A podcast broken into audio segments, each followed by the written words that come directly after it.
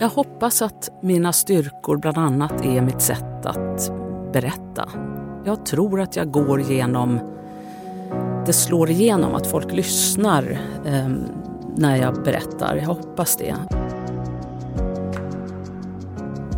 Det är över 30 år sedan, men jag kan fortfarande känna ett glädjesvall när jag tänker på ögonblicket då samtalet kom.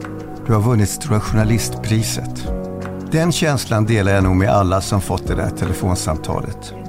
Jag heter Stefan Mer och det här är Stora Journalistpris-podden. Bakom varje stort avslöjande, varje prisvärd berättelse och story döljer sig en annan story. Historien om hur det gick till. I den här podden grottar vi ner oss i den historien. Pratar med Sveriges bästa journalister om Sveriges bästa journalistik. För journalistik är också ett hantverk och det är journalistikens skickligaste hantverkare som belönas med Stora Journalistpriset. Men hur gör de? Vad driver de? Hur tar de sig förbi alla hinder på vägen?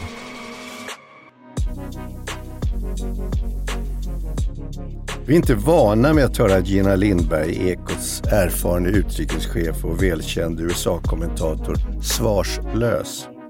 I nyhetssändningar och valvakor från USA och i den populära USA-podden känner vi igen hennes röst. Skarp, kompetent, alltid väl förberedd och med tvärsäkra analyser av politiken och stämningen i USA. Men när det var Gina Lindberg som tillkännagavs på Journalistprisgalan som vinnare av Lukas Bonniers stora journalistpris 2022, då var den allra mest överraskade i rummet hon själv. Välkommen Gina Lindberg. Tack Stefan. Vad var det som hände där? Berätta för oss. Det var många, vi var bara 200 i rummet som upplevde det, så det är många som vill veta. Det var en, jag var på Stora Journalistprisgalan för att heja på mina kollegor. Och eh, satt ganska långt bak i rummet tillsammans med bland annat min högsta chef Silla Bänke vid samma bord.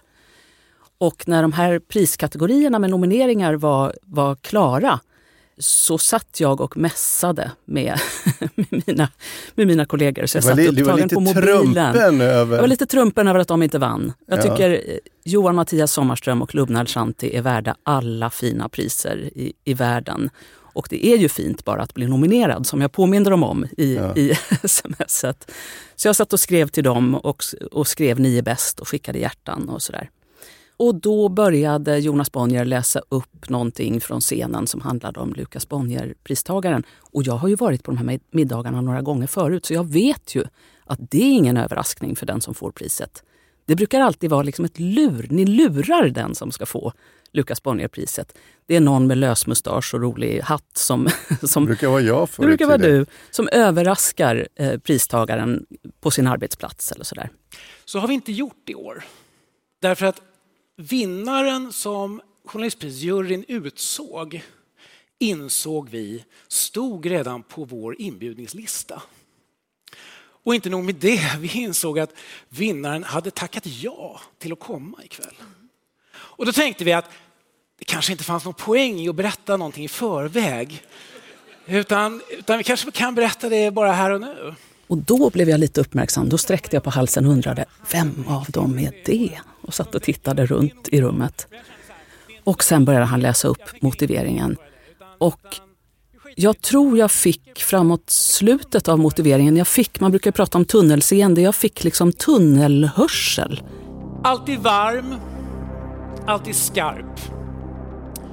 Med djupa kunskaper, elegant språk och analytisk precision levandegör hon troget både människorna och politiken. Jag hörde ingenting. Jag såg bara en massa människor vända sig om mot mig och börja applådera. Från Capitol Hill till det amerikanska hjärtlandet, Gina Lindberg. Det var en, en djup chock och det var en glädjechock. Jag tror knappt jag fått ner hjärtat ur halsgropen än faktiskt. Jag vad gick, väldigt, väldigt vad gick genom ditt huvud just i det ögonblicket? Uh, ja, men min första tanke var det, måste, det kan inte stämma. kan det verkligen vara sant? Uh, och sen uh, kramade Silla Bänke om mig hårt och länge och viskade i mitt öra nu går du upp på scenen och levererar ett tacktal för det har jag lovat att du kan prestera. och då gjorde jag det. Men, eh, Tror jag, du, eller? Eh, ja, du, du, eh, du tappade lite kontrollen där. Ja, det var en kontrollförlust. Det var det faktiskt. Är, är du känslig för sådana? Absolut. Jag tycker det är lite läskigt med överraskningar, men jag kan inte säga att det här var läskigt. Är du en kontrollfreak överhuvudtaget? Ja, det är definitivt. Du tappade ju inte orden när du skulle säga, men de, de kom inte lika självklart som de, bru de brukar göra. Särskilt eftersom juryn framhöll att du har ett väldigt elegant språk. Kommer du ihåg det? Ja, nu när du säger det. Vad fint. Ja, det var, det var en av juryns starka argument där. Eh, och det kan inte komma heller som en överraskning för dig för att du har ju vunnit Sveriges Radios språkpris mm. tidigare. Mm. Vad är ett bra språk i radion? Ett bra språk är ett språk som är personligt men också korrekt. Och jag tycker att det ska vara också grammatiskt korrekt. Jag är rätt noga eh, med sånt. Men det ska vara ett ledigt talspråk. Jag gillar inte att läsa till. Några stolpar kan man ha med sig in i studion eller ha nedskrivna i blocket när man ska gå live eller så. Men sen ska språket helst komma naturligt för att det, det är väldigt personligt hur man uttrycker sig. Övar du på det här? Nej, det kan jag inte säga att jag gör. Ibland skriver jag ner vissa formuleringar som jag kommer på eller liknelser eller sådär. Det kan jag skriva ner lite grann men jag kan inte säga att jag övar direkt. Men jag har jag växte upp med mamma svensklärare och mormor väldigt hörselskadad.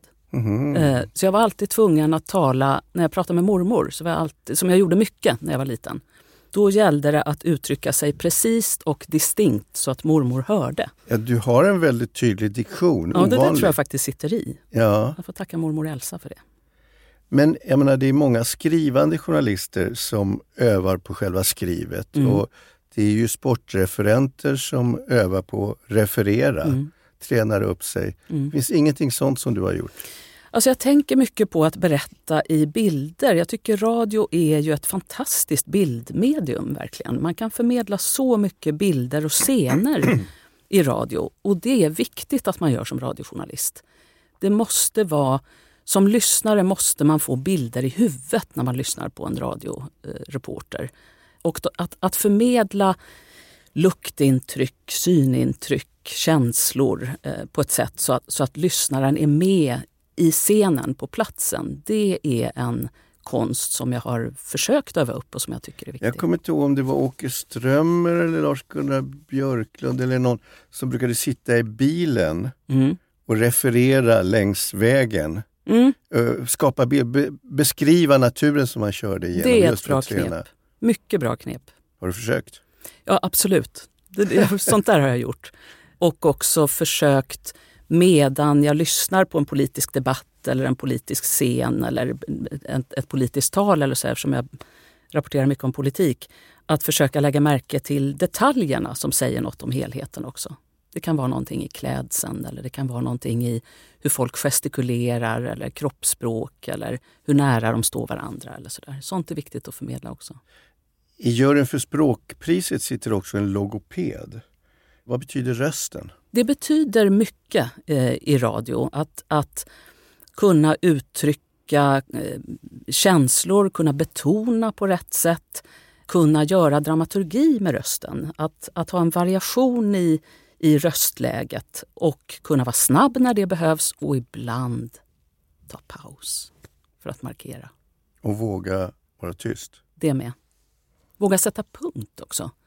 Det tror jag är en sån där sak som jag försökt öva på. Att ibland är det bättre med ett kort svar. Har din röst förändrats genom åren? Ja. På vilket sätt? Den har blivit mörkare. Och det blir det ju ofta med åren. Men jag hade en ljusare röst i början när jag lyssnar tillbaka på gamla inspelningar från Radio Malmöhus, där jag började.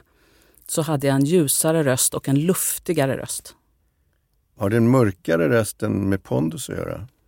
En del kanske, men det är också så att man kan ju trixa lite med rösten och lura sig själv. Om man är väldigt nervös till exempel, då kan det hjälpa att lägga ner rösten lite grann och prata långsammare.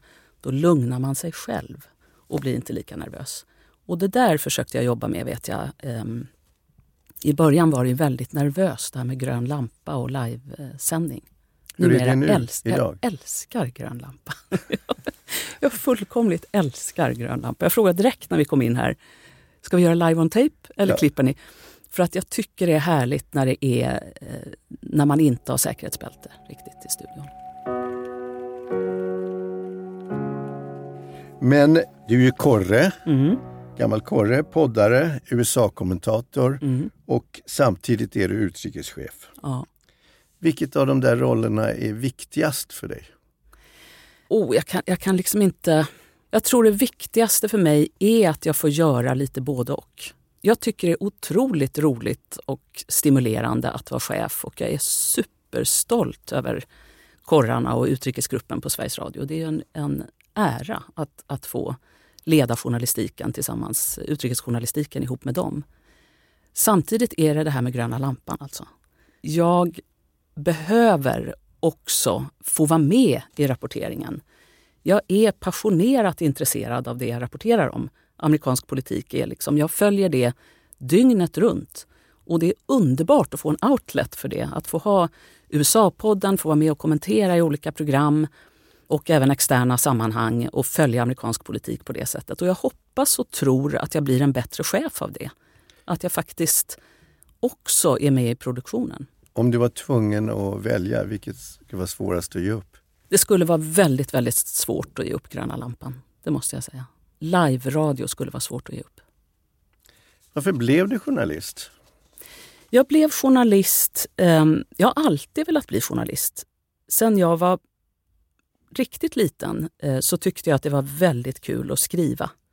Eh, och skrev mycket. Växte upp i en familj där det, var, där det uppmuntrades. Och, eh, jag skrev en massa små historier och jag skrev dagbok och jag skrev små pretentiösa dikter. Och, så att det fanns med från början. Eh, och att det sen skulle utmynna i journalistik tror jag, det har väl att göra med att jag jag tycker det är väldigt, alltså jag följde väldigt mycket eh, politik från att jag var ung. Tyckte det var roligt. Tyckte att det var väldigt roligt det här att få vara nyfiken och ställa vilka frågor som helst. Det är ju en, ett sånt privilegium som journalist att man får ringa upp vem som helst och ställa nästan vilka frågor som helst. Otroligt. Fanns det något, eh, någon annan yrkesväg som lockade? Jag försökte mig på lite. Jag sökte till Journalisthögskolan och kom inte in efter gymnasiet. Stack till Frankrike, jobbade där ett tag, jobbade som reseledare en period. Men det tror jag inte. Det var roligt ett tag. Jag lärde mig väldigt bra mikrofonteknik som reseledare. För att jag, jag jobbade på såna bussresebolag och stod upp i 100 knyck i timmen i bussen. Och då gäller det att hålla micken nära hakan och liksom också kunna prata utan manus och berätta. Sen lärde jag mig också vikten av faktakontroll. För den var lite bristfällig när jag var reseledare, kan jag erkänna så här i efterhand. Kom de på dig? Alltså bland, annat- det var en, en jobbig situation i Bryssel när jag visade, vi stannade alltid vid kung Leopolds grav och där gick de runt 50 passagerarna av då och tog foton och jag berättade lite om kung Leopold och sådär. Och så var det på någon resa som en äldre dam kom fram till mig eh, när vi skulle kliva på bussen igen och sa Ursäkta, jag har varit här förut. Jag tror kung Leopolds grav ligger åt det hållet. Det var ju snopet. pekade, pekade på andra sidan gatan och jag insåg att jag hade 14 busslaster med, med, med svenska passagerare hade fotoalbum hemma med bilder på helt fel. Det måste vara ett av dina Ja. största misstag. Faktakoll är viktigt. Viktigt att ha rätt och det hade jag inte riktigt där. Du kom ju till Ekot som eh, 28-årig lokalreporter från Malmö Mm. och som du sa var utbildad på Skurups folkhögskola. Mm. Vem var Gina Lindberg då? Vem var jag då? Då var jag ung hungrig reporter som kom från, från Radio Malmöhus och i, i Malmö hade jag fått göra allt. Det var en underbar skola och utbildning och en fantastisk arbetsplats och är fortfarande. Som reporter på Radio Malmöhus fick jag göra allt från snabba utryckningar, lokalpolitik, bränder, eh, brott. Det var miljörörelsen, det var liksom allt. Kort sagt det som alla lokalreportrar gör. Ja, enkelt. och samtidigt var jag ju sugen på liksom något större sammanhang. Och Ekot var ju det flottaste som, som fanns. Hur, hur kom det sig att du blev utrikesredaktionen? Det blev inte det direkt, utan först när jag kom till Ekot så var jag studiereporter och körde P3-nyheter. Och sen fanns det, eh, så fick jag så småningom fast jobb efter något år och så fanns det sommarkorrejobb att söka. Och då sökte jag jobbet i London. Och så åkte jag dit, en månad i London. Och det gick bra. Och det var kul. Och efter det kom jag hem till redaktionen och det blev en plats ledig i utrikesgruppen. Och Marcus Ullander, som var chef, utrikeschef, legendar, eh, erbjöd mig det där, det där jobbet i utrikesgruppen. Och då var jag yngst, färskast och en av väldigt få kvinnor. Det var många äldre män i utrikesgruppen. Och, eh, Hur blev du behandlad? jag, fick, jag blev behandlad väl, tycker jag. Jag blev också behandlad som den nybörjare jag var. Det vill säga, det var det, jag fick inte de tyngsta jobben eh, förstås. Eh, men jag fick lära mig väldigt mycket av de här äldre erfarna kollegorna. Och det har jag haft enorm nytta av. Hade du någon mentor?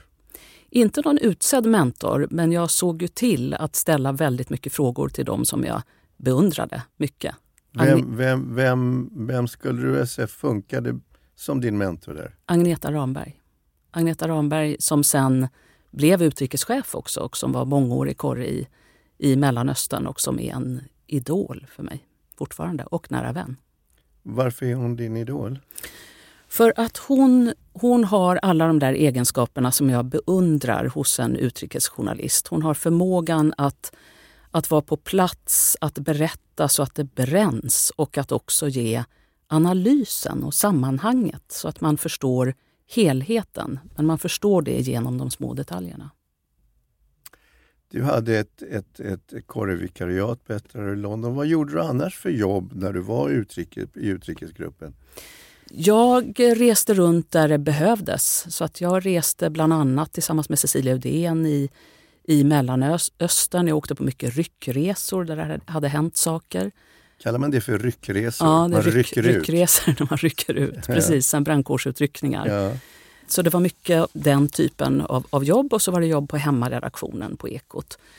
Och eh, så småningom, jag, jag har ju alltid varit väldigt intresserad av USA, av amerikansk politik så att så småningom sökte jag mig också dit. Och, eh, Men det var fick 13 år senare? Det var flera år senare, ja precis. Men, men, eh, men det tog också 13 år innan du blev chef Mm.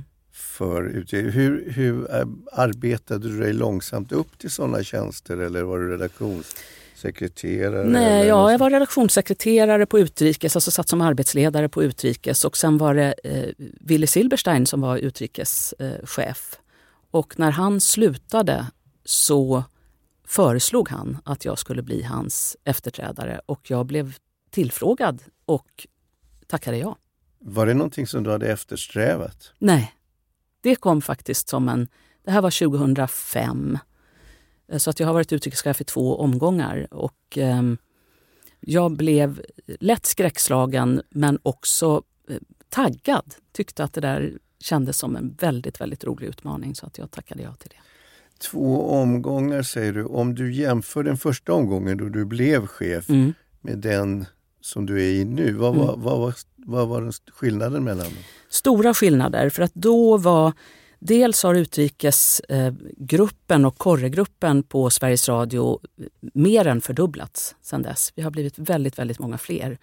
Så att det är en mycket, mycket större grupp med ett mycket, mycket Hur många större... är ni idag? Idag är vi 33 stycken. 33 stycken som, också, som du faktiskt är chef för. Ja. Och av dem är det 22 korrespondenter och de övriga är baserade i Stockholm. Så att det är en stor grupp. Så att vi gör mycket mer och vi har förstås helt andra format idag än vad vi hade då. Och en annan sak som har förändrats jättemycket är ju fokus på säkerheten kring journalister. Det var knappt... Vi pratade knappt om det då. Det var ingen stor diskussion och jag vet om de äldre kollegor som kom hem efter krigsbevakning. De ja, men kanske tog ledigt något dygn för att ta igen sig men sen var det business as usual och eh, eh, ingen jättediskussion. Och idag har vi ju en hel säkerhetsavdelning som hjälper oss med de här bedömningarna och i mitt jobb som utrikeschef så är det här med säkerheten en jättestor del och en del som, som jag förstås tar på väldigt stort allvar.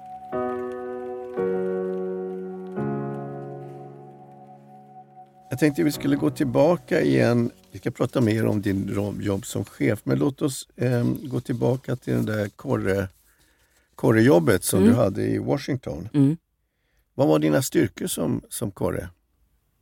Jag hoppas att, att eh, mina styrkor bland annat är mitt sätt att berätta.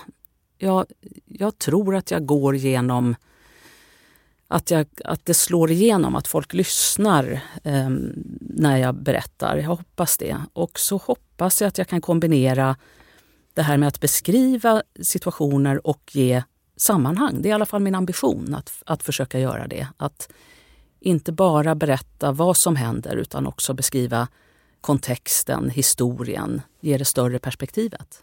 Det här var ju två år innan Obama valdes till president mm. och, och, du eh, flyttade dit.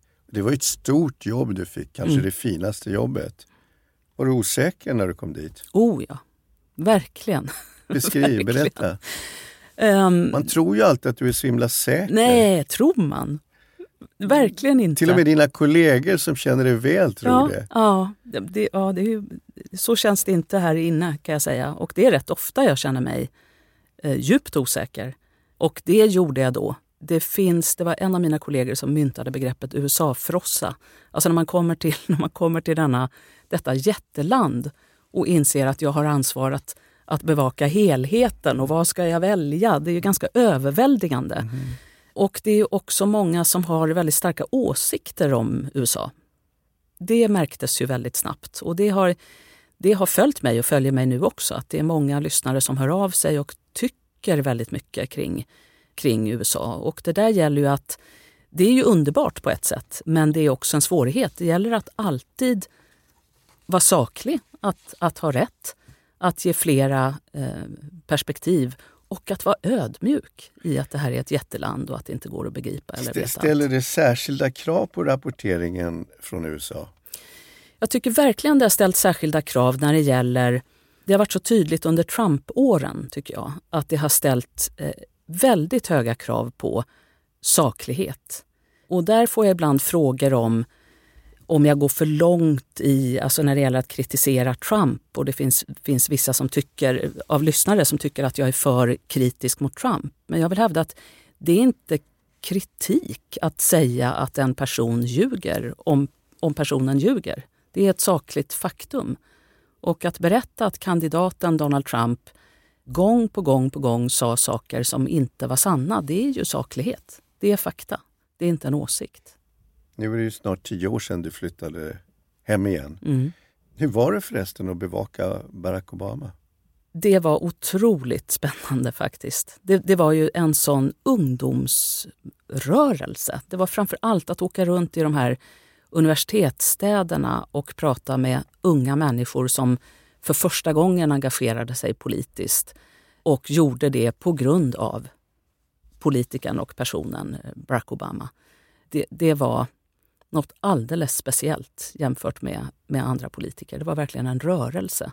Och det var också att sen stå där, det är fortfarande ett av mina starkaste intryck från den där tiden. När, när han installerades, när han svor presidenteden 20 januari 2009. Och då stod jag i ett hav av människor, runt en och en halv miljon människor på The Mall nedanför kongressen. Du vet, mm. bort, det var fullt hela vägen bort till Lincoln Memorial. Och då var det, det var iskallt. Jag hade alla, alla trippla dunvästar och jag hade på mig alla kläder jag kunde komma på. Det var jätte, jättekallt i Washington. Och röken stod ur munnarna på, på folk och eh, alla stod och hoppade för att hålla värmen och sådär. Men när Barack Obama klev fram och man såg honom på storbildsskärmarna och han höjde handen och svor presidenteden, då blev det knäpptyst bland en och en halv miljon människor som samtidigt tystnade. Och det var som man hade kunnat höra en knappnål falla.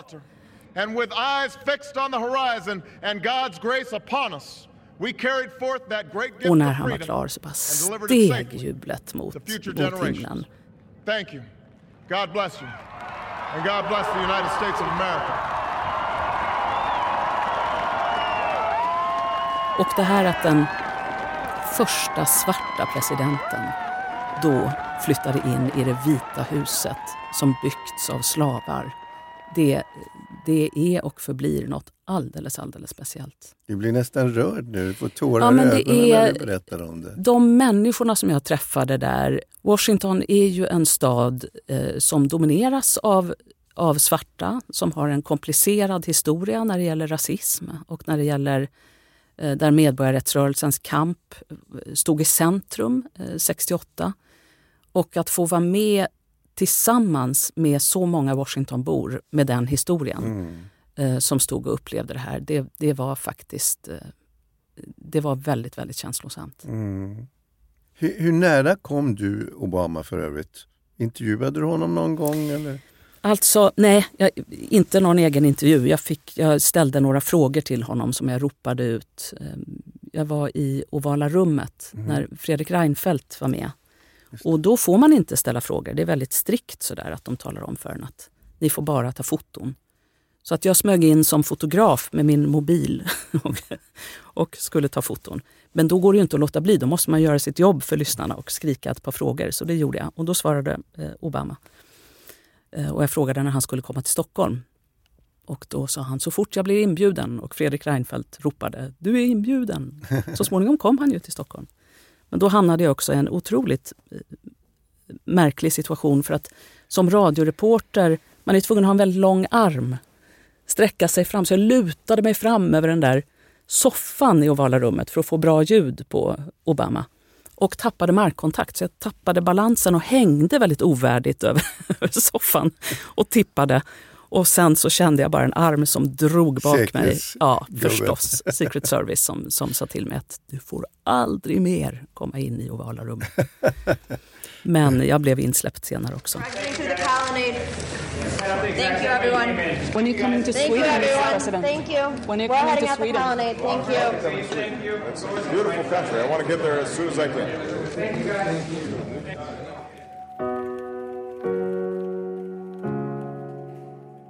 De som lyssnar på den här podden, de är förundrade. Hur håller du dig uppdaterad? Jag har många eh, vänner och bekanta och fortfarande många bra eh, källor som jag, som jag pratar med, som jag eh, har kontakt med. Vad är det för typ av källor? Eh, det är folk som jobbar framförallt i, i Washington inom eh, olika, ja, vissa som jobbar i departement till exempel, som kan hjälpa mig med hur ska jag förstå det här? Eh, vad tror du om det här? Som jag får väldigt mycket input av. Sen slukar jag amerikanska medier. Jag lyssnar jättemycket på poddar. Vilka, ge oss några bra poddar. Oh, det finns massor. Eh, Men jag, lyssnar, jag ser till att lyssna på både poddar med vänster och höger åsikter. Jag lyssnar på Morning Joe, MSNBC. Jag lyssnar på en fantastisk podd som handlar om konstitutionell rätt som heter Civic 101. What you can learn from con law med Roman Mars eh, som är en jätte jättetorra ämnen om konstitutionell rätt men berättade på ett spännande sätt. Eh, Jag lyssnar på Wall Street Journals ledarpodd. När du på det? När, när lyssnar du på det här? Medan Jämt. du sitter i dina chefsmöten? Eller? Jag lyssnar, och så lyssnar på, det. på dubbel hastighet. Det är knäppt. Ja. För då kan jag sluka dubbelt så många. Men det var, jag, jag eh, gick till en terapeut en gång som sa att har du funderat på det där med att du, att, du, att du går snabbt och lyssnar på poddar i dubbel hastighet. Det kanske, vad- du kanske vad- borde vad- dra någon slutsats. Vad tänkte du? Vad, ner. vad, vad var slutsatsen? Nej, men slutsatsen var att jag kanske någon gång borde andas lite också och eh, tagga ner. Men jag tycker det är så himla kul. Jag tycker det är jätteroligt. Så jag känner mig inte stressad själv av att Tycker du att du lever mycket. på dubbel hastighet? Ibland gör jag det. Eh, Jag har lite dubbla jobb liksom, Ja, som utrikeschef och USA-kommentator. Så att, eh, det är mycket, men jag upplever inte mig själv som en stressad person. Och det hoppas jag att mina kollegor inte upplever mig som heller.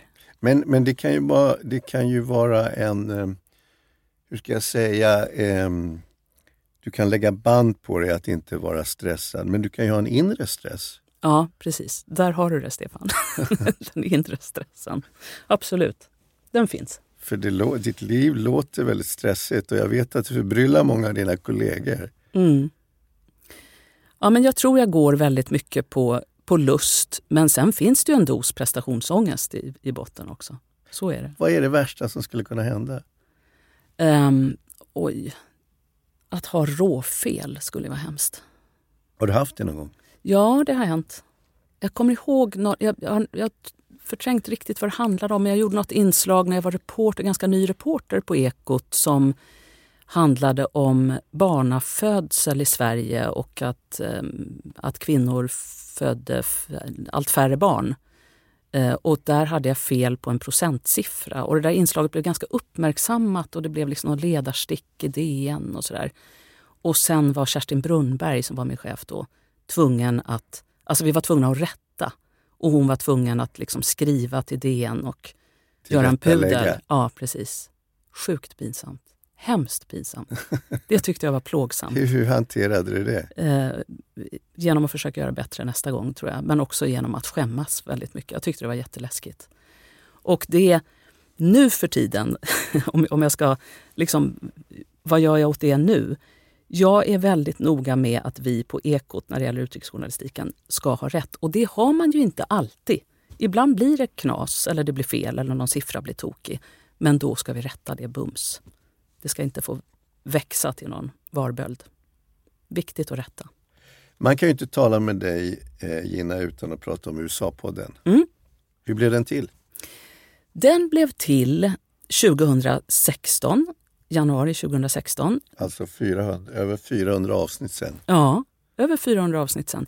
Då hade jag varit hemma ett tag efter att ha flyttat hem med familjen från Washington och, ehm, var uttråkad. Och var uttråkad. Längtade efter USA och längtade efter att få prata ännu mer amerikansk politik. Och så hade jag också med mig från USA-åren att det här med intresset för, för amerikansk politik, det var så mycket, jag fick så mycket mejl och lyssnarkontakt och sådär av folk som var lika besatta som jag. Som också satt uppe på nätterna och tittade på liksom, obskyra primärvalsdebatter och följde distrikt bla bla bla i Illinois och sådär. Eh, och visste jättemycket och ville veta ännu mer.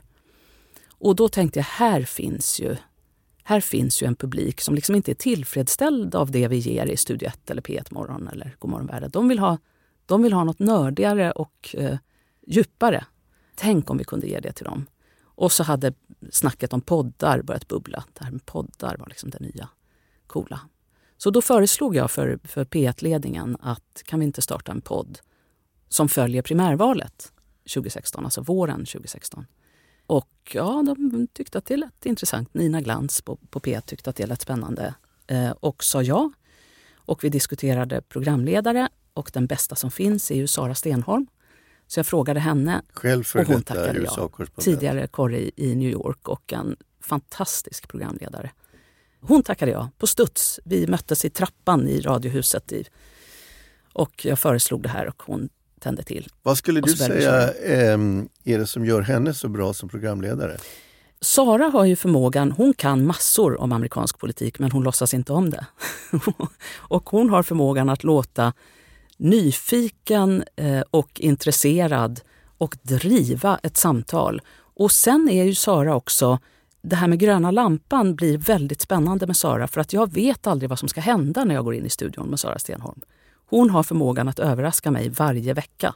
Och jag sitter lite på helspänn. Hon tror, jag frågade henne faktiskt, hon tror att du inte bryr dig om ett dugg. Du kan gå in helt oförberedd och det spelar ingen roll. Är det inte så?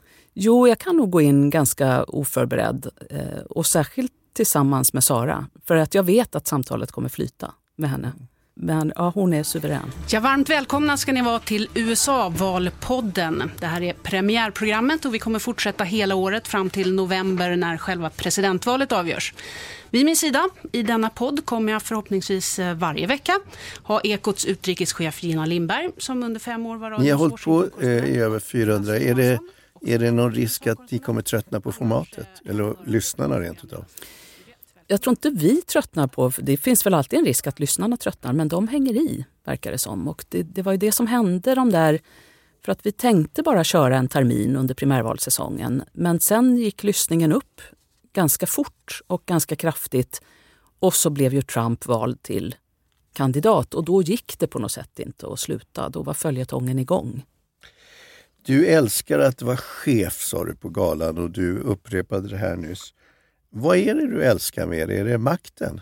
Nej, det är det inte. Det är utrikesjournalistiken. Har du Jag- hört någon chef som har sagt att det är makten? Gud, vilken bra fråga. Nej, jag tror inte det.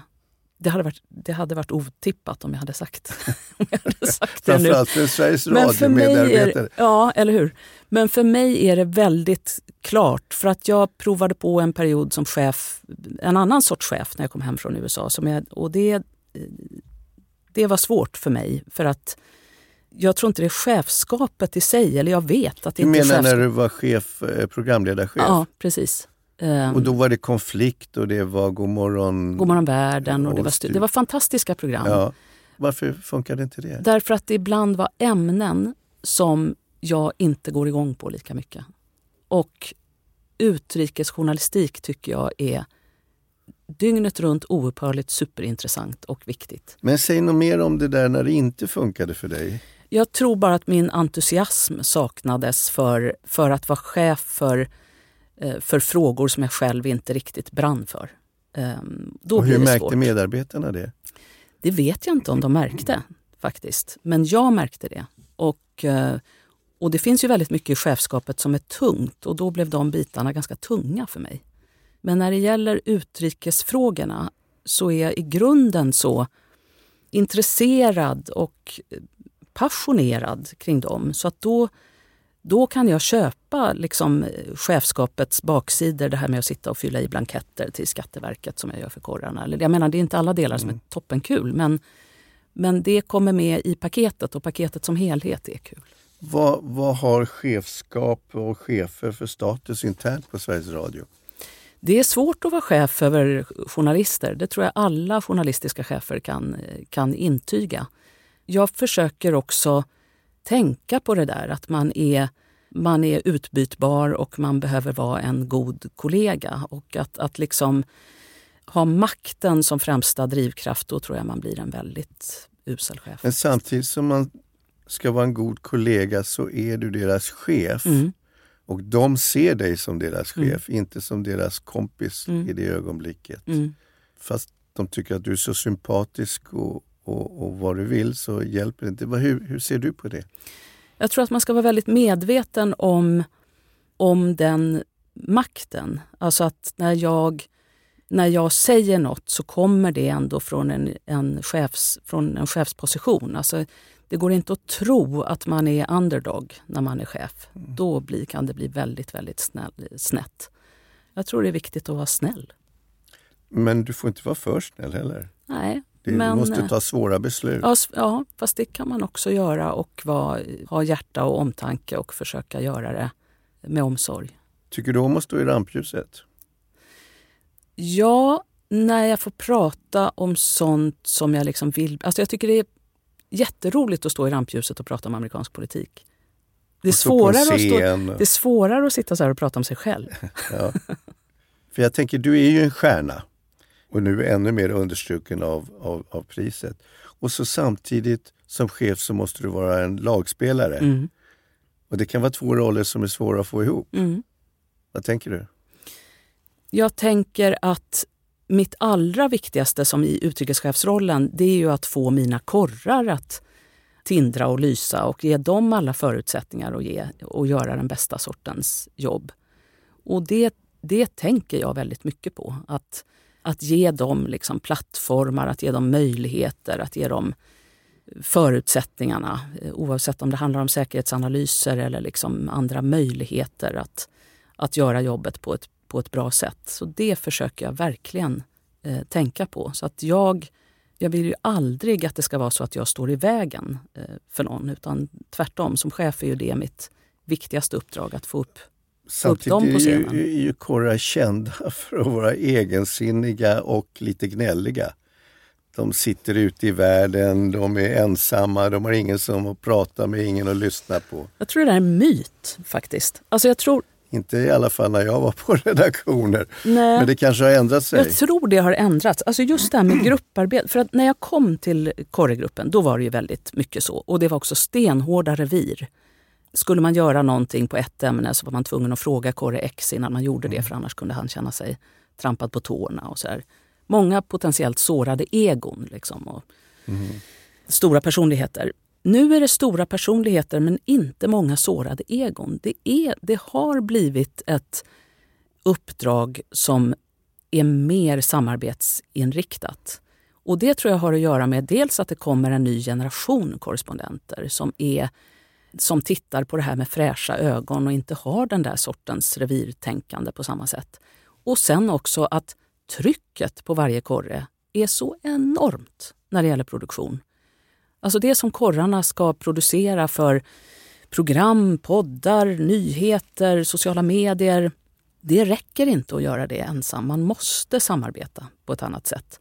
Så att den här gamla myten om att det var liksom sura typer som inte, som inte tålde att någon, annan, eh, någon annans konkurrens, det tycker inte jag stämmer längre. Jag tycker det har blivit ett This samarbetsjobb. country ain't big enough for both of us. Nej, det där, det, så är det inte i Sveriges Radios utrikeskorridorer längre. Vad skönt. Ja, det är det faktiskt. Ett av dina viktigaste uppdrag som chef måste också vara den strategiska utvecklingen. Mm. Vad ser du för utmaningar? Det här med säkerheten på ett större plan, alltså att, att journalister har blivit måltavlor och att vi ändå måste fortsätta rapportera från en massa platser, det, det är en jätteutmaning. Eh, att det har blivit så farligt i vissa länder att vara journalist, framför allt för de lokala förstås, men även för oss som, som är där tillfälligt. Och att det finns regimer och, och eh, terrorgrupper och eh, rörelser som inte vill att vi ska vara på plats och rapportera. Och hur ska vi hantera det? Det är en av de stora, stora, stora utmaningarna. Och sen det här med som, som är väldigt tydligt i, i USA, att det finns ledare även i, i demokratier som aktivt utser journalister till någon sorts oppositionspartier och hur vi ska hantera det. Det är också en enorm utmaning. Ledare som ser journalistiken som folkets fiende och behandlar oss som det trots att vi bara gör vårt jobb. Det är, det är en enorm utmaning. Till sist, jag säger som ni brukar göra i USA-podden. Vad är det du inte kan släppa från Stora Journalistprisets gala? Jag har så svårt att släppa hela den här scenen när, när Jonas Bonnier läste upp motiveringen och det tog så lång tid för mig att förstå att det handlade om mig. Och sen promenaden upp eh, på scenen när jag möttes av så himla många snälla kollegor som log och applåderade och hejade och klappade på axeln. Och det har varit liksom en stridström av gratulationer och vänliga ord de senaste dagarna. Jag är helt överväldigad faktiskt. Och, och det är ju det här med att få pris. Jag håller på i vardagen och man jobbar på. Och tanken på att det har suttit en massa urduktiga kollegor i en fin jury och diskuterat det jag gör, det är faktiskt väldigt, väldigt rörande och eh, hedrande. Jag är jätteglad. Än en gång grattis Gina. Tack snälla Stefan. Jag är helt... Jag känner, ser ni hur mitt hjärta klappar? Jag är nästan mållös. Silla kramade mig och sa jag har lovat juryn att du klarar att ta sånt här på studs. Silla, jag vet inte. Ja. Eh, jag är så fruktansvärt överraskad. Ja.